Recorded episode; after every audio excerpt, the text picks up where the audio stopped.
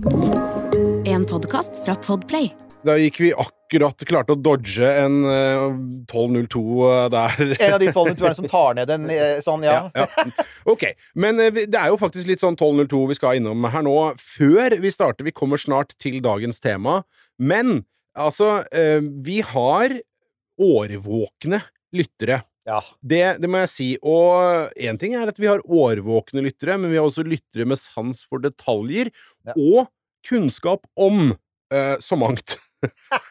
For ja. uh, det ble uh, ved en inkurie i forrige episode nevnt hangarskip og F-16 i samme åndedrag. Ja. La oss si det sånn. Og det går ikke. Nei, det, det, det gjør, det gjør visst ikke det. Det er vår eh, lytter André som sier at F-16 kan ikke være et fly fra hangarskipet, altså Gerald Ford.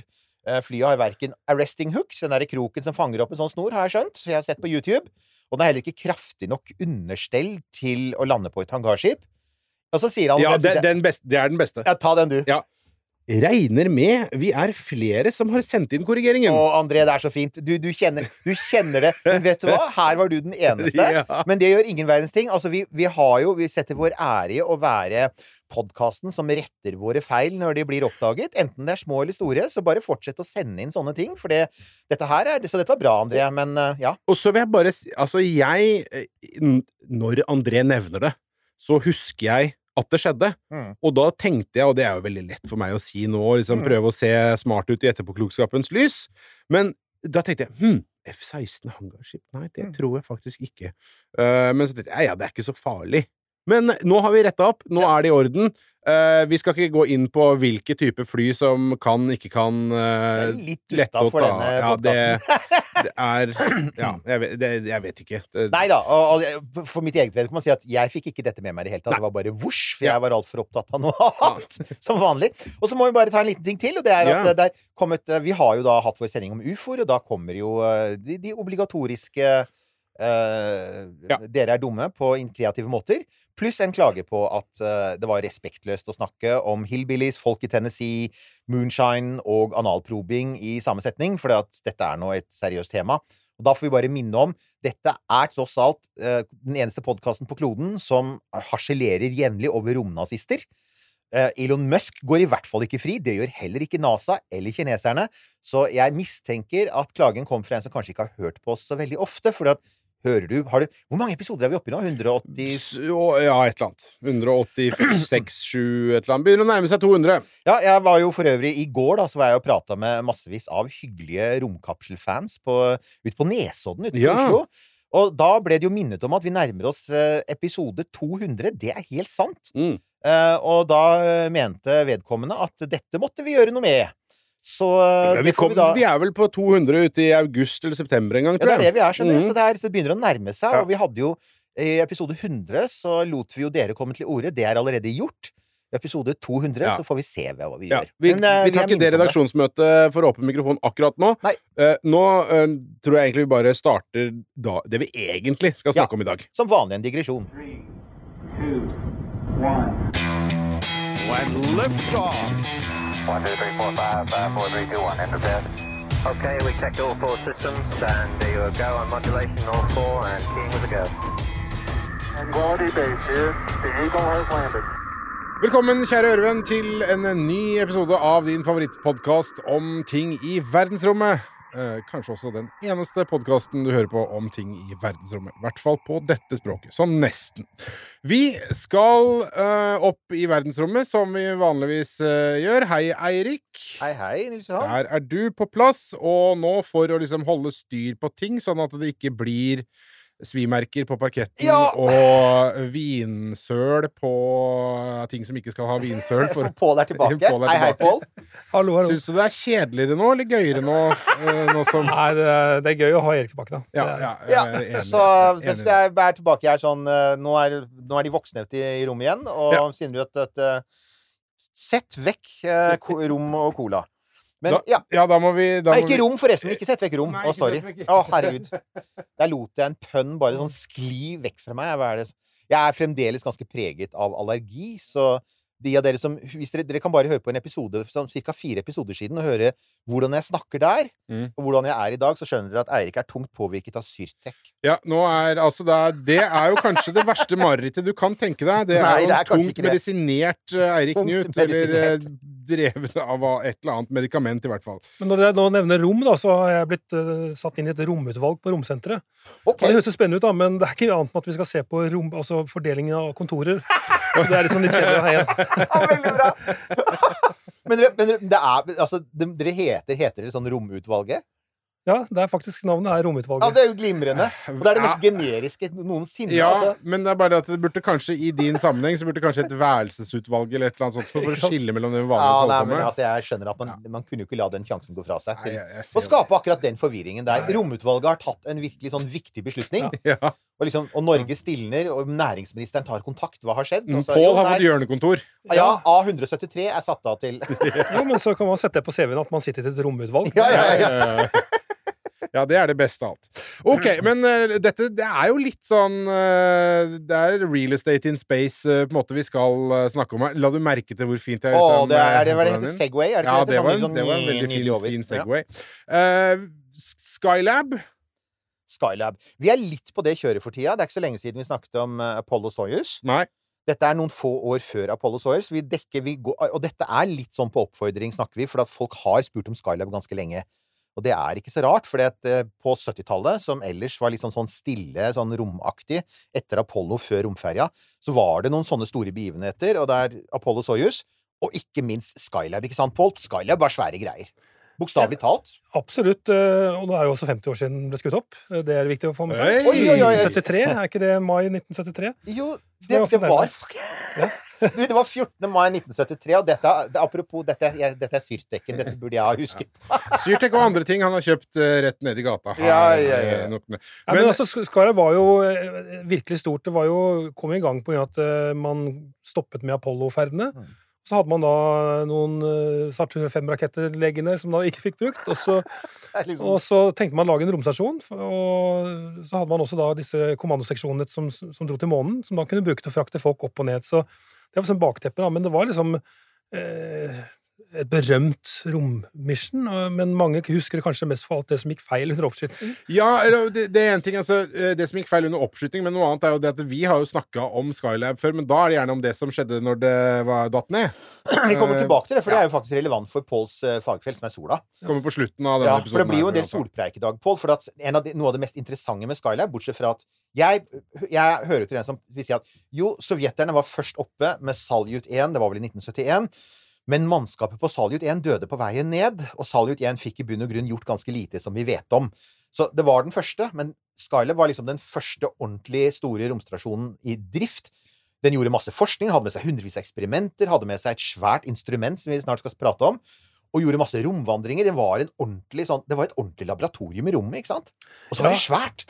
Gigantisk stort. altså De gjorde ting på den der, de kunne løpe rundt i den svære tønna si. Det var sånn, sånn, sånn sirkus... Ja, ja, har du sett det. Nils Johan? De der bildene hvor de, de, altså, de løper på innsiden. For Ja, ja. at dette var, dette var S4B-trinnet, ett av dem. For at de hadde jo, som sier, hardware liggende. Og Ok, det- så bare sånn for å ha det på det ene. Altså, Skylab var beter Altså, det var eh, skrog fra ubrukt uh, Saturn-rakett. Det var det. Ja. Og det fantes det, det, På 60-tallet så hadde man to planer for å bygge en romstasjon av Saturn 5-deler. Det var den såkalte våteløsningen, som eh, vår venn Werner var tilhenger av. Og det var andre trinnet, for det var mye større. Mm. Og, og rett og slett få andre trinnet opp i bane, og så tømme ut det som var igjen av brennstoff. Uh, ja, ja, ja. Tømme det for brennstoff. Altså med andre ord en, uh, våte tanker. Få dem tørre. Og så begynne å innrede. Oh. Og så var det det tørre alternativet, som var å ta et tredje trinn, S4B, som var det som sendte Apollo til månen, og, og bygge det om på bakken, ikke sant? Og så Mm. faktisk bygge en romstasjon av det. Men det trinnet var jo også gigantisk! Ja, altså Mye større enn romstasjonen nå. De kan ikke løpe sånn rundt på romstasjonen som de gjorde der oppe. ikke sant? Og De har jo til og med testet disse her jetpackene som senere. De, de, de Ja, fløy de det. inni romstasjonen og fløy rundt. Og så hadde de en fullskala dusj, den husker jeg veldig godt. For at altså, der er det sånn igjen, du er vel fremdeles Dette er jeg er sånn fortsatt uh, for ung, altså. Ja, det, altså, du, du var ikke-eksisterende. Jeg var ikke eksisterende. jo, jeg var, altså, jeg var eksisterende idet den kom ned. Der ser du. Så var jeg så vidt til stede. Da var du så vidt til stede. Ja. Men vi husker altså, Jeg vet ikke om du husker, men jeg husker at det, altså, norske aviser var aldri veldig opptatt av dette på, på, på 70-tallet. Og det var dessverre ikke alltid sånn at Erik Tandberg fikk sendetid. Han, han fikk vel noe tid på Dagsrevyen, det må han ha fått. Men, men, men jeg husker blant annet bildene av denne herre de hadde en, en, Det var en svær dusj. Det var et sånt der rør som du trakk opp, og så festa du Og så var det og du, altså, når du, du kunne jo ikke bare begynne å sprute vann rundt i en romstasjon, for da fløy det jo dråper inn og kortslutta og sånn. Og, og denne dusjen fungerte. Det var bare det at det tok to timer. For, at, for når du hadde dusja, så måtte du jo støvsuge vekk hver eneste lille vanndråpe for å hindre at noe da fløy inn. Så, ja. Ja, okay. Men de hadde det. ja, Mm. ja, ja. Så, Så- hygienen var på stell eh, på Skylab. Så den ble skutt opp da med den aller siste Saturn 5-raketten som ble skutt opp. Og, em, og som du sa, det gikk galt. Hva var det som gikk galt under oppskytingen? Den hadde sånt eh, meteorittskjold da, som skulle sitte rundt og passe på at ikke du fikk sånne små mikrometeoritter som går gjennom romfartøyet. For det, med den hastigheten de har, så vil det gå tvers igjennom. Eh, Men under oppskytingen så, så ble et av de revet av.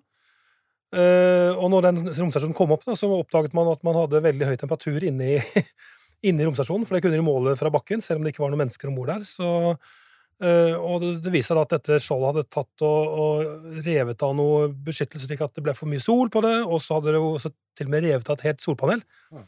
Og dermed så ble det krise både for at det ble for varmt inni der, og de hadde ikke nok strøm da, til, å, eh, til å drive det. Så det ble det Istedenfor at eh, disse menneskene som skulle skytes opp med romstasjonen dagen etterpå, det var planen, de måtte da vente, for nå måtte man bruke ti dager på å klø seg i hodet og hvordan skal vi løse dette problemet? Kan vi skyte det opp? Kan vi reparere dette her, eller hvordan eh, gjør vi dette her? Og, og hvordan skal vi løse det der? Og de måtte bygge masse ting da, for å ta med seg opp for å reparere. Men, altså, men dette er sånn, dette er det jeg sier, dette er gamle NASA. Dette er måne-NASA. Dette er sånn can do, ikke sant? Det er Apollo 13-NASA. Ja, ja, ja, ja. Science hell out. Spoiler, spoiler alert, de klarte faktisk å fikse det. Men en av grunnene til at de klarte å fikse det, det er her vi da kommer til det som er hovedpersonen i dag, det er Den hadde jo med seg mye. Den hadde med seg oksygen og mat og vann og slike ting, og den hadde med seg masse vitenskapelige instrumenter som, eh, og eksperimenter som var montert på innsiden. Og så hadde den med seg noe som Det satt vel på utsiden, gjorde det ikke det? Altså, det satt jo som en sånn det, du, Når du ser på bildene, så sitter det som en det er, altså, øh, Romstasjonen er et rør, det er dette trinnet. Og så har det én vinge, den skulle vært to. Og så oppå det røret så sitter det en klump, og så er det fire svære vinger. Og det er den vi skal snakke mye om i dag. ATM, Apollo Telescope Mount, ikke sant? Ja, Det var altså et eh, solobservatorium med åtte svære teleskoper som skulle studere sola på en annen måte som vi ikke kan gjøre fra bakken. Um, og den hadde da disse solpanelene som da ga strøm til både den pakken der, men uh, heldigvis så var jo de der sånn at de kunne redde også selve uh, romstasjonen. For at uh, siden de hadde mistet ett solpanel, så mangla de mye strøm. Og, og det andre var vel ikke helt foldet ut heller. Det måtte de også løsne ut, da, for de måtte ut der og både få løsna de tingene som hadde halvveis revet av, og så de måtte få eh, frigjort dette solpanelet. da. Hadde de med seg noen sånne svære sånne der, eh, båtsaker og noen sånne, sånne, hekk, sånne lang stang med sånn, eh, sånn tang på som skulle kutte noen vaiere. Det er. Det var helt sånn utrolig. Og så, Men det funker jo! Det er Ja, ja, ja, ja, det er. MacGyver. Det Det er altså, som jo. MacGyver. og kanskje det mest, spes, mest spesielle var jo når, når de skulle prøve å legge et sånt eh, beskyttende lag eh, over den delen som har falt av, som skulle da kjøle ned romskipet eller romstasjonen. Um, og de hadde to løsninger. En var at du skulle ut og legge noe over for hånd, men de hadde altså en annen metode som de testet i sånn vanntank også i, før de dro opp. En slags gigantisk parasoll. Som da de skulle stikke gjennom et hull på siden av altså luftsluse, Ja.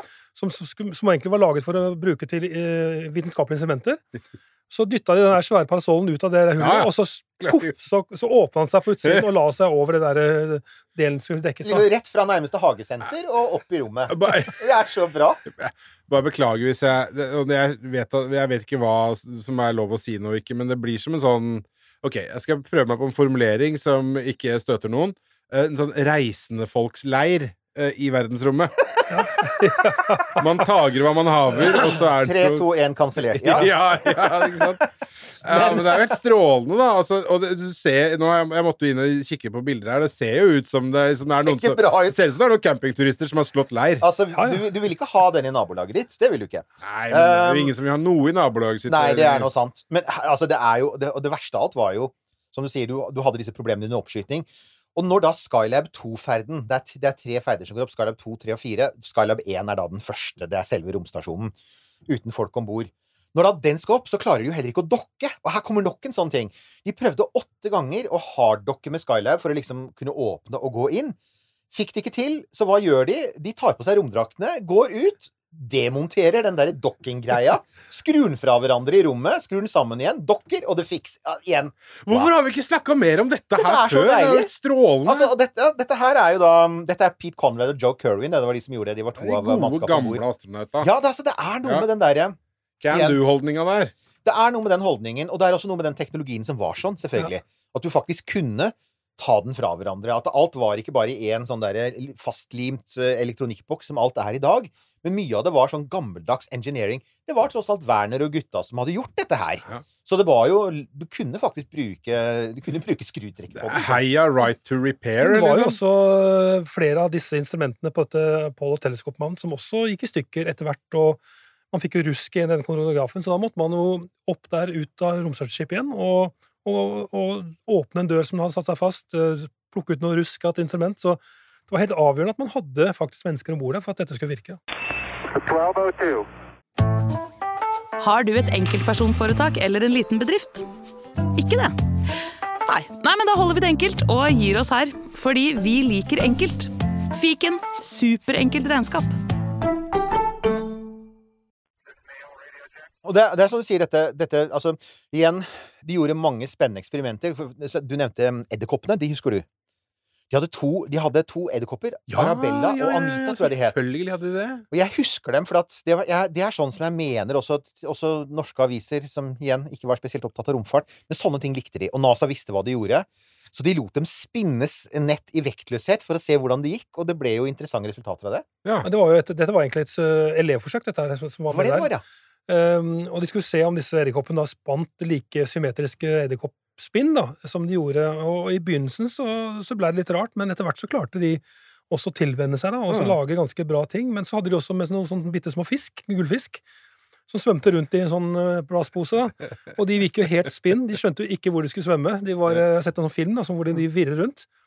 Men det som er interessant, er at når de fikk da småbabyer, så disse småungene de klarte seg helt fint. De skjønte med en gang hvordan de skulle håndtere den der vektløsheten. Så det er ganske Natives, Hvordan man er- arver og opp, Ja, at man Altså, klarer det der. Og det er, det er den biten der med at dette var virkelig et laboratorium i rommet, og veldig mye av det vi er vant til i dag. Som sagt, igjen, hvordan rengjør du deg i rommet, hvordan du går på do, hvordan du gjør vitenskapelige eksperimenter, hva du spiser, hva du drikker, hvordan du sover. Alle disse tingene ble jo testet i Skylab. Så det er den biten også med at dette ble tatt med videre. Eh, Så den gjorde jo Altså, det er jo en ting som er, egentlig er nesten litt rart å tenke på her. Den var jo ikke i drift veldig lenge. Den ble skutt opp i mai 73, og så var det vel ett år etter så var de ferdig med Skylab-ferder. Og, og mye av tiden så var det ikke folk om bord. Så den hadde en ganske kort driftstid, men jøss så mye de fikk gjort. Ja, når de, når de dro ned, så hadde de jo håpet at det skulle komme opp mennesker igjen. Det var jo Ja. Så de hadde jo liksom ikke De låste jo ikke døra, for å si det sånn de dro. De, de lot den stå oppe, da, så i Ja. tilfelle noen skulle komme og skulle inn. De kasta ikke nøkkelen, men, men det blei jo aldri sånn, og man fikk ikke penger og ressurser til å skyte flere folk. Og Altså, så, de, de var jo på et litt uheldig tidspunkt, for da var romferja i ferd med å fases inn. Og det er ganske spennende, for sånn rundt midt på 1970-tallet så er du i ferd med å trappe ned Apollo. Du har fremdeles Apollo. Du har, vi snakket litt om det i forbindelse med Apollo Soyuz. Og NASA er plutselig i den situasjonen at i Houston så må de ha to team. ikke sant? De må ha et romferjeteam, fordi at romferja skal snart begynne å droppes fra fly. Og de må liksom begynne å sette inn romferjesimulator, men der står det jo gamle Apollo-simulatorer Mm. og Skylab-simulatorer. Og så har du det svære bassenget, og så må du begynne å ta ut Skylab-ting og putte opp i romferjeting. Så de, de var i en litt sånn der vanskelig situasjon, rett og slett. Jeg kan jo skjønne det også. Jeg, jeg festa meg bitte litt grann, eh, ved disse edderkoppene. Ble de værende, eller er det Eh, de daua. de, ja, de, ja, de gjorde det. De gjorde det! Nei, men- fordi jeg, jeg bare tenkte herregud, this is what nightmares are made of. Det er oh, ja, sånn ja, ja, ja. spiders from space. Samme med de gullfiskene. Altså, noen husker kanskje Doffen har daua, den reklamen. Det, Ja, ja, det For å si det sånn, så tror jeg at det var en hel del Det var nok en del sånn små, store skapninger som eh, falt nedover Australia etter hvert. ja, Eh, ja, ja, en ja, sånn, eh, ja, ikke sant. stekt, stekt fisk. Kremert. Jeg vil bare se, se for meg litt sånn Sånn Viking funeral. Se for meg sånn der, eh, edderkopper som har uh, tilpassa seg livet i vektløshet, og så Å, ja. Fy faen. Oh, ja, den og høy filmen. stråling og, og interessante barn. De har ikke lenger åtte øyne, men 15. Liksom. Ja, det er godt at den eh, fikk eh, den skjebnen den gjorde, Skylab, for at det greiene der hadde jeg ikke orka.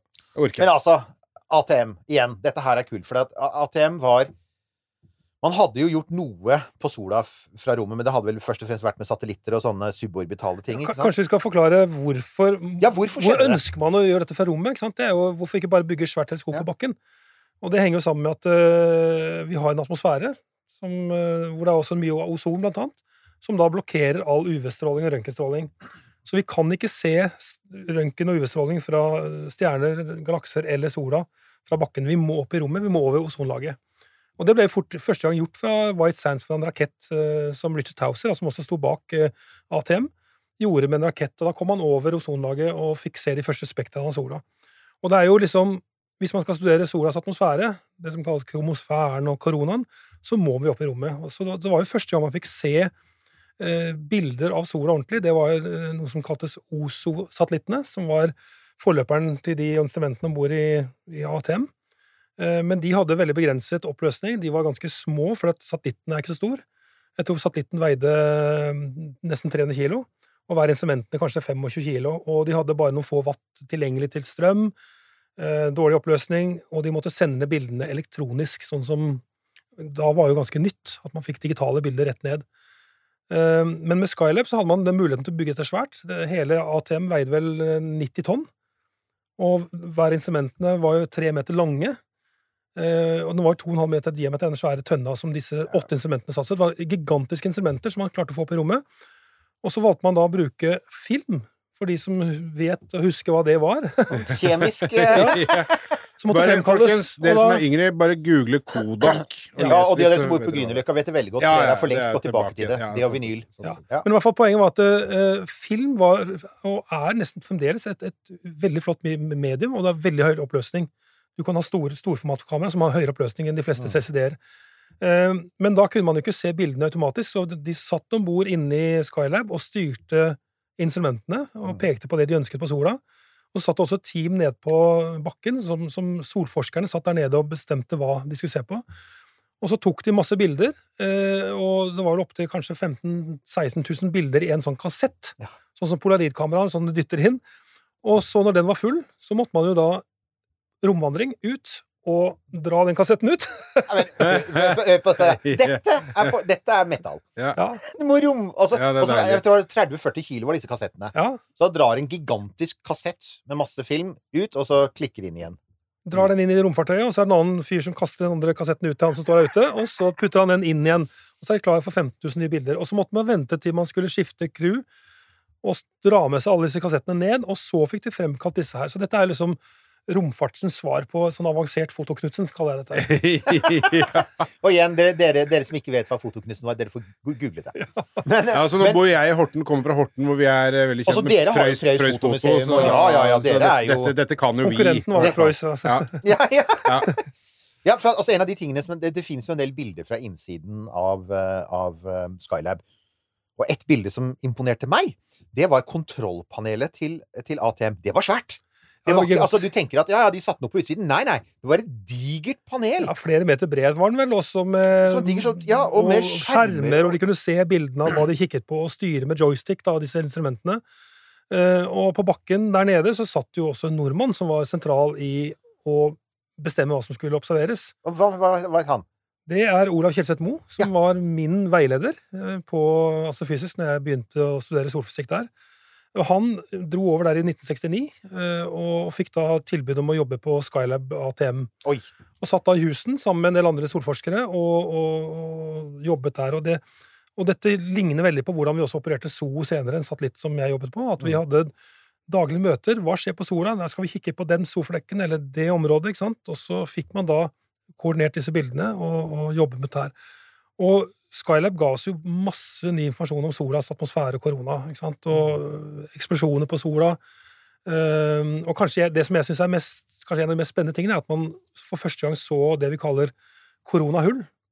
Eh, disse åpningene i solens atmosfære, eh, eller koronaen, hvor solvinden spruter ut med dobbelt hastighet. Og, og de er jo veldig også viktige for å langtidsvarsle nordlys, for eksempel, og, men geomagnetiske stormer. da. Mm. Så du, du fikk se sånne filmer da, som var, eh, hvor sola snøra rundt. Eh, De, sola hoppa litt opp og ned, for det var vanskelig å opplinjere disse fotografiske bildene selvfølgelig på bakken, men eh, det var utrolig spennende å se. Og så hadde man jo også en, det vi kaller en koronograf, som da er et teleskop som har en liten skive i midten, som dekker til sola Du lager en kunstig solformørkelse? Helt kunstig solformørkelse, og på jorda så kan man bare se det noen få ganger, eh, og veldig sjeldent og lite område, over kort tid, noen minutter. Her kan man altså lage en solformørkelse som varte i, ni måneder, da, for å si det sånn. Og jeg antar at det fungerer bedre i rommet, ikke sant? hvor du ikke har en atmosfære. Som, du- som sprer lyset. Som sprer lyset. Ja. Sånn at den der, og, og, og så koronagrafer er jo De bruker de jo til og med når de skal lete etter eksoplaneter. Så det er, Så det var jo da man liksom fikk, se, følge disse hva vi kaller korona- og masseutkastelene, eller solstormene, kunne man se komme ut fra sola. Man hadde sett noen få indikasjoner på disse OSO-satellittene, men de var dårlig kvalitet. Men her kunne man liksom se disse gassutblåsningene komme ut fra denne koronaskiva. Det var helt enormt. Det som man nå ser daglig fra SO-satellitten, disse solstormene som brukes til å varsle disse her. Men ATM var helt unikt, og, og, og en game changer, da, vil jeg si, da, i solforskningens øyde. Ja, men, for, men altså, dette er jo fascinerende, for jeg har jo egentlig tenkt at, eh, at eh, Skylab bare var en sånn fordi vi kan-greie. Ja. eh, som et litt sånn Altså som en sånn ventepølse, nesten. eh, mellom Apollo og, og romferja. Men, eh, men her er det jo åpenbart at, at uh, Skylab med ATM har vært helt revolusjonerende for eh, vitenskap om sola. Ja da, og dataene var helt fantastiske, ikke sant? Og jeg har jo selv brukt noen av dataene til eh, i min egen doktorgrad. Og, men så kommer da SO-satellitten.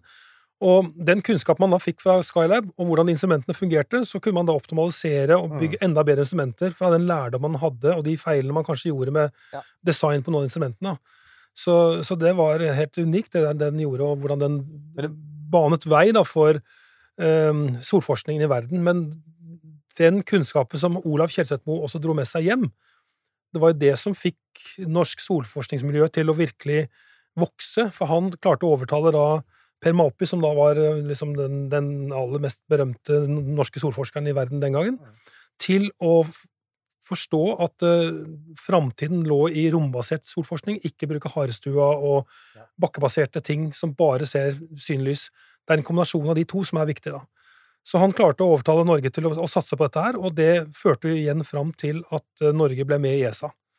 Eh, Dette er den berømte Finn Lied-kommisjonen som da Olav og Per Maltby spilte inn i. Per Maltby var jo også en glimrende slags politiker, kan du si, og, og, klarte å få Norge til å bli medlem av ESA. Så uten det Olav gjorde der nede, så hadde kanskje Norge ikke vært med i ESA så tidlig. Wow! Mm. Ja. Så ATM, direkte kobling opp mot eh, noe vi ellers snakker ganske mye om, Ja. som er, er forholdet vårt til ESA. Ikke sant? Men vet du om eh, noen av de var med i en romkomité? uh, ikke sånn som jeg, men uh, jeg vet ikke om vi hadde problemer med, med rommet og kontorene på astrofysisk, men det er jeg ikke sikker på. Men uh, problemet vårt er at vi har litt for få kontorer, så derfor så har vi et romutvalg. Ja, ja, romutvalget. Men det, er, det var jo også, igjen så er det noe med volumet her. 150 000 bilder ble tatt med ned. Og de er vel nå Altså, de er vel fremdeles tilgjengelige? De er vel skannet og gjort tilgjengelige, er det ikke det? Ja, de ble Altså, skannet med en gang, faktisk. For at uh, når de bildene kom ned, så, var det, så ble de plukket ut de bildene man ønsket å se på først. Så, så hadde man et fotometer, som er rett og slett en, en skanner som vi har i dag. Uh, de skannerne den gangen hadde bare ett punkt, så den måtte skanne liksom rekke på rekke på rekke, piksel for piksel. Og vi hadde en tilsvarende skanner på astrofysisk, som var faktisk bedre enn den de hadde på NRL, hvor Olav jobbet. Så når Soho og noen av disse rakettene til NRL ble skutt opp og lagd spekter av sola, så ble de beste dataene dratt til Oslo, og vi skannet de da eh, i Oslo og sendte dataene tilbake. da. Men grunnen til at man vil ha det inn i en datamaskin, er at man da kan måle med digitale verktøy, og man kan fjerne støy, rette opp skjevheter og sånne ting, og gjøre de digitale bildene mer tilgjengelige og, og sende rundt. da. Og her er det kanskje verdt å minne om at altså, astronomien og solfysikken har vært tidlig ute med dette. Altså, Noen av de tidligste datamaskinene som ble brukt til vitenskap, ble jo brukt til nettopp uh, astronomisk arbeid. Baneberegninger og slike ting. Og ikke første CMOS-kamera ble bygd av en uh, Ja. nordmann faktisk, som jobbet på JPL NASA i California. For dette, som sagt, det er, det er vanskelig å fremkalle film i Hvis du skal sende en sonde til Jupiter, da, for eksempel, så er det der er ikke Fotokunsten Knutsen eller Preus. Nei, Nei, ikke sant? Og så er det også som sier De som var overalt! Og så jobber du ofte med sånn ekstremt støyrike data, at du har et behov for bildeprosessering og for å, for å hente fram informasjon som konvensjonelle verktøy ikke hadde. Så igjen, så jeg husker det også. Også på 80-tallet så jobbet jo vi med verktøy som, som var langt, langt foran I dag så tas det for gitt. Men det var sånn, som- Og det hadde vært i bruk lenge på det tidspunktet. Det hadde allerede vært i bruk en god stund. Og i så måte så var jo også eh, ATM viktig. For øvrig må jeg nevne det. Det heter Apollo Telescope Mount. Og det har jo også en forhistorie. Det var jo opprinnelig ment å settes foran på nesa til en Apollo, var det ikke det? Jo, det var planlagt planet på en helt annen måte, da. men eh, nå valgte man denne metoden her, og, så, Ja. og det ga virkelig eh, det ble veldig bra. Det ble, Altså, og dette handlet jo også litt om at NASA hadde jo på 60-tallet en sånn idé om det som het Apollo Applications Program, som både Skylab og ATM er en del av. Som var La oss, når vi først har denne kapselen, Apollo, som viste seg å være pålitelig, og vi har månelandingsfartøyet, og vi har Saturn 5, som var en veldig pålitelig rakett, la oss på en måte bruke dette til å gjøre andre ting. Så de hadde jo ganske ambisiøse planer faktisk for 70- og 80-tallet. Men så kom jo romferja i veien, da. Altså, den, den drepte jo det. Men, Ja. men dette, er, dette her Det var noen få ting som var igjen av disse grandiose planene om å reise til Venus og Mars og alt mulig som man snakket om den gangen. Og en av dem var Skylab, og en annen var ATM. Men de hadde jo liksom planene om å, å Romferja skulle egentlig vært ferdig i 79, vel. Uh, men den ble jo så forsinket. For det var, det, det var jo grunnen til at man ville la døra stå oppe på, på Skylab, sånn at man kunne dra opp med romferja og putte inn flere folk. Ja, Men så ble det forsinket, og så kom jo det der med at eh, den datt jo ned altfor tidlig. De hadde jo feilberegnet voldsomt. Det, det, det skal vi straks snakke om. Men det med, med hva man kunne ha gjort med Skylab, er en interessant ting. Fordi du hadde jo um, Altså, da de, da de dro den siste, Skylab 4, forlot uh, Skylab, så hadde man fremdeles det som de sa, 180 man days med vann. Altså et, et mannskap på tre er da ikke sant, 60 dager. Eh, 420 man days um, eh, med, med, med oksygen, og så var det mat for ukevis. Og mye annet utstyr. Så som de sa, de kunne hatt en mission. Altså, de kunne faktisk, bare ved å sende opp noen eh, Sende opp en Apollo til, Ja. så kunne de hatt en uh, Skylab 5. Men så var det da dette her med, med, med romferja da, som kom i veien med budsjettene. Og så var det også Apollo Soyuz. Jeg syns det mest interessante var jo den ideen de hadde også i forbindelse med Apollo Soyuz, var enten at amerikanerne skulle besøke Salyut, eller at sovjeterne skulle få besøke Skylab. Men der kom jo dette her med hvor mye teknologi vil du vise. Så det ble det jo ikke noe av. 1202. Har du et enkeltpersonforetak eller en liten bedrift? Da er du sikkert lei av å høre meg snakke om hvor enkelt det er med kvitteringer og bilag i fiken, så vi eh, gir oss her, vi. Fordi vi liker enkelt. Fiken superenkelt regnskap. Da blir jeg sittende med en sånn tanke om at ok, er det, var det feil prioritering på et eller annet tidspunkt her? For at eh, som vi jo kommer til, så, så skjer det som skjer med Skylab, og det går som det går. Men altså, hvis man hadde lagt liksom skuldra inn i det, så, så kunne man jo fått den på plass og latt den være der lenger, og bruke den mer. Og, og ville det da være Så er, det, er Altså, dette et tap? Eh, Var det Men de, de hadde jo planen var at den skulle være lenger, og det, det siste de gjorde med Apollo, siste Apollo-ferden Nei, Apollo, unnskyld, eh, Skylab-ferden med mennesker, det var at de løfta den opp 11 km for at den skulle holde seg litt lenger. Eh, Tidsnok til at den skulle liksom eh, komme romferje i 79, men det funka ikke.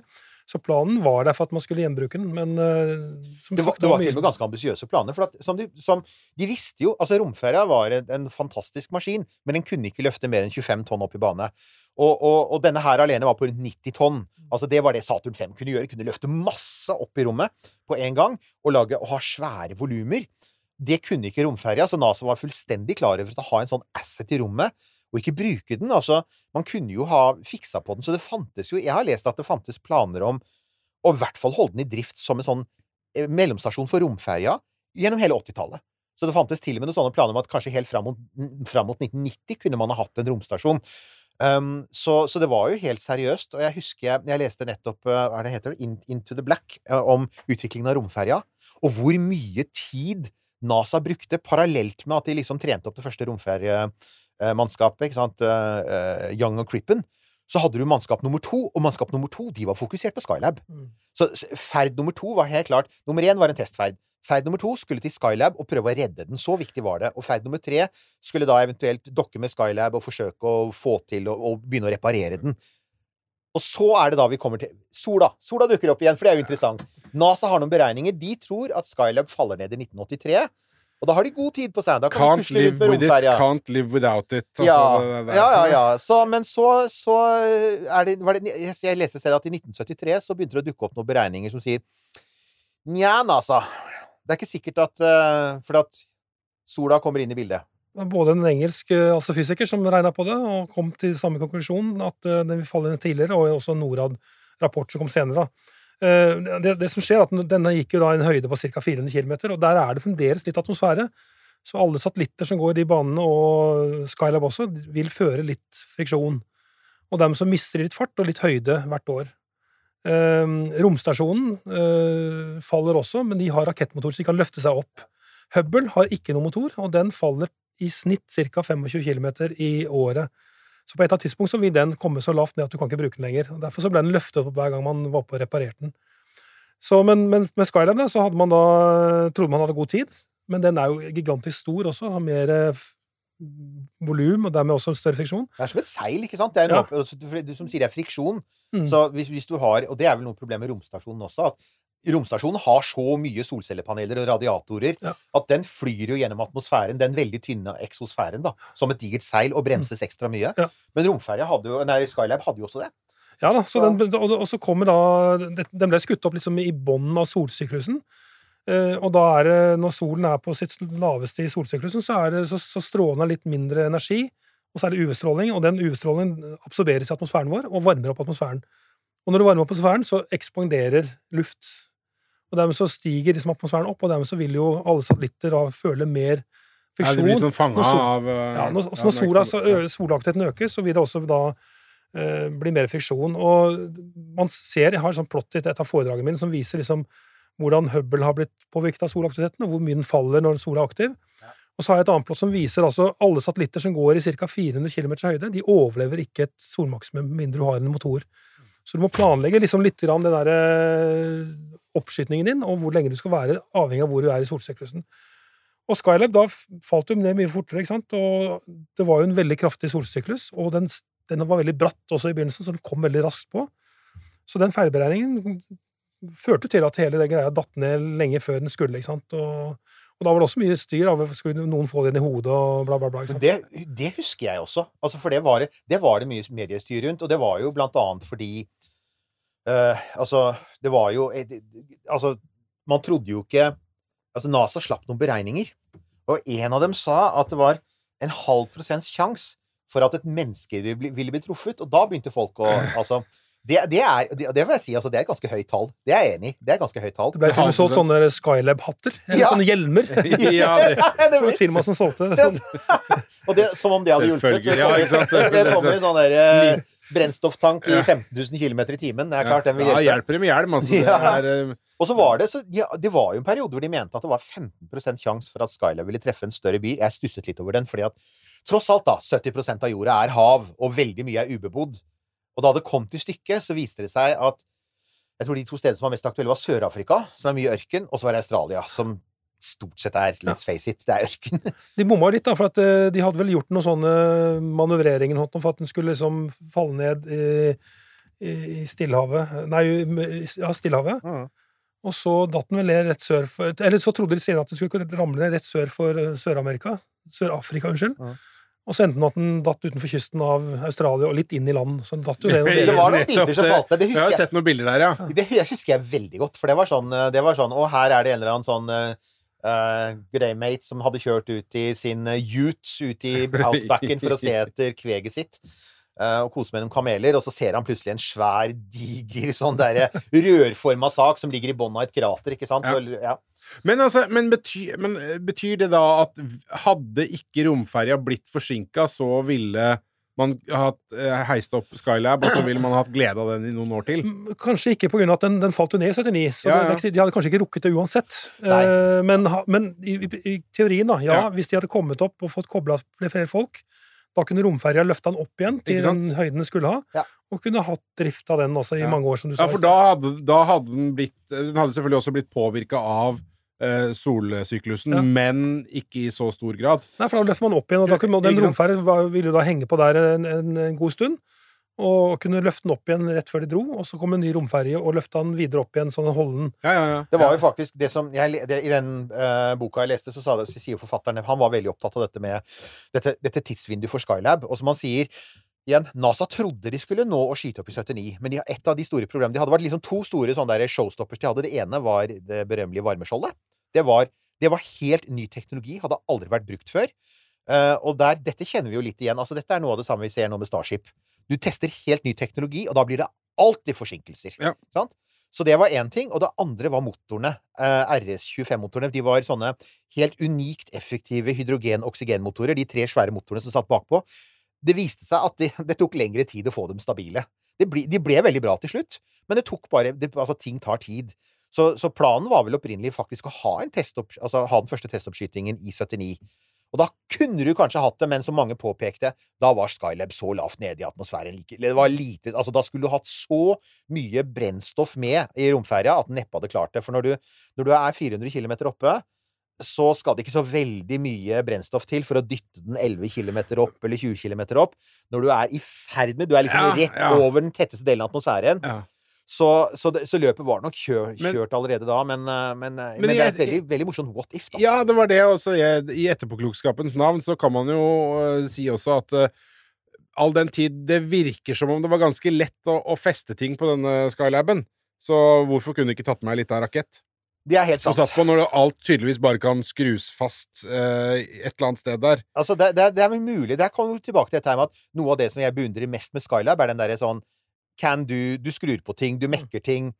Uh, altså, min favorittscene fra hele Skylab-reparasjonen, det er jo når disse her to uh, astronautene, Conrad og Kerwin, er ute på, på Altså, de har endelig funnet ut at nei, den beste måten å få denne svære solcellevingen, som de måtte få ut for å få nok strøm ATM kunne ikke ha levert nok for å holde prosjektet gående. Uh, så må de få ut denne, den svære solcellevingen som har hengt seg opp i sånn derre virvar av folie og, og vaiere sånn som de ikke har dratt vekk. Og så krabler rundt da på den, og så begynner de å klippe løs, ikke sant? Og så plutselig så folder den seg ut. Den, den har jo en fjær. Ja. Den folder seg ut, og de sitter jo på vingen, og den slenger dem av gårde, vet du. Å, det, Og, ja, sant? det er som å hente ut av en skrekkfilm. Ja. Men de hadde jo da De hadde vaiere. Ja, Så det er sånn doink!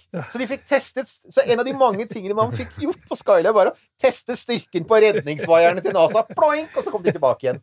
Så ja, det, dette er det hele. Men, men et sånt prosjekt da, som har den derre eh, litt sånn Vi bare tar det som det kommer. Vi mekker ting underveis.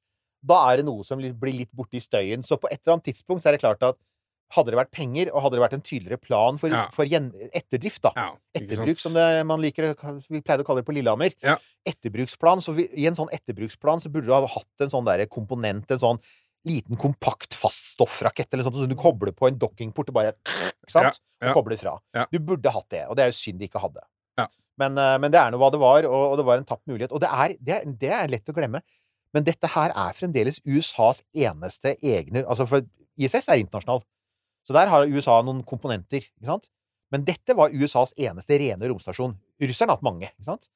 Så, så det er jo det som er interessant med det vi snakket om eh, forrige uke, med VAST, dette her eh, private prosjektet. Ja. Om det kommer noen private romstasjoner opp i rommet nå de neste åra, så blir det faktisk de første amerikanske det, Det blir liksom nummer to da, i serien av rent amerikanske romstasjoner. Ja, men, også, men så tenker jeg også En ting er jo det at eh, man kan si- For det jeg satt og formulerte en tanke i hodet nå som var sånn Ja, men hva, å, hva har amerikanerne av romstasjoner som de ikke forteller oss om, eller et eller annet sånt noe?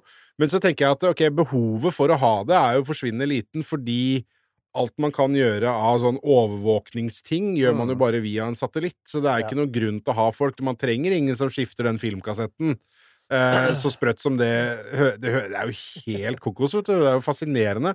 Men det er ikke noe behov for det. For at det som skal skje på en romstasjon, grunnen til at man skal ha folk, må jo være fordi at man skal forske på eh, folk eller en eller annen form for eh, det rompåvirkning av folk, da. Det er sant, men samtidig så tenker jeg at den dagen Eller- fakt- ikke sant? Men den dagen vi skal lande på Mars eller månen, forhåpentligvis, da, så kommer vi til å trenge det igjen. For altså, er det én ting vi veit om de stedene, så er det at det kommer til å måtte gjøres masse sånn Det har jo vi snakket om tidligere. Du kommer til å trenge masse håndverk. Ja, ja, ja, ja, ja, Altså masse sånn praktisk, og da må du ha den holdningen tilbake.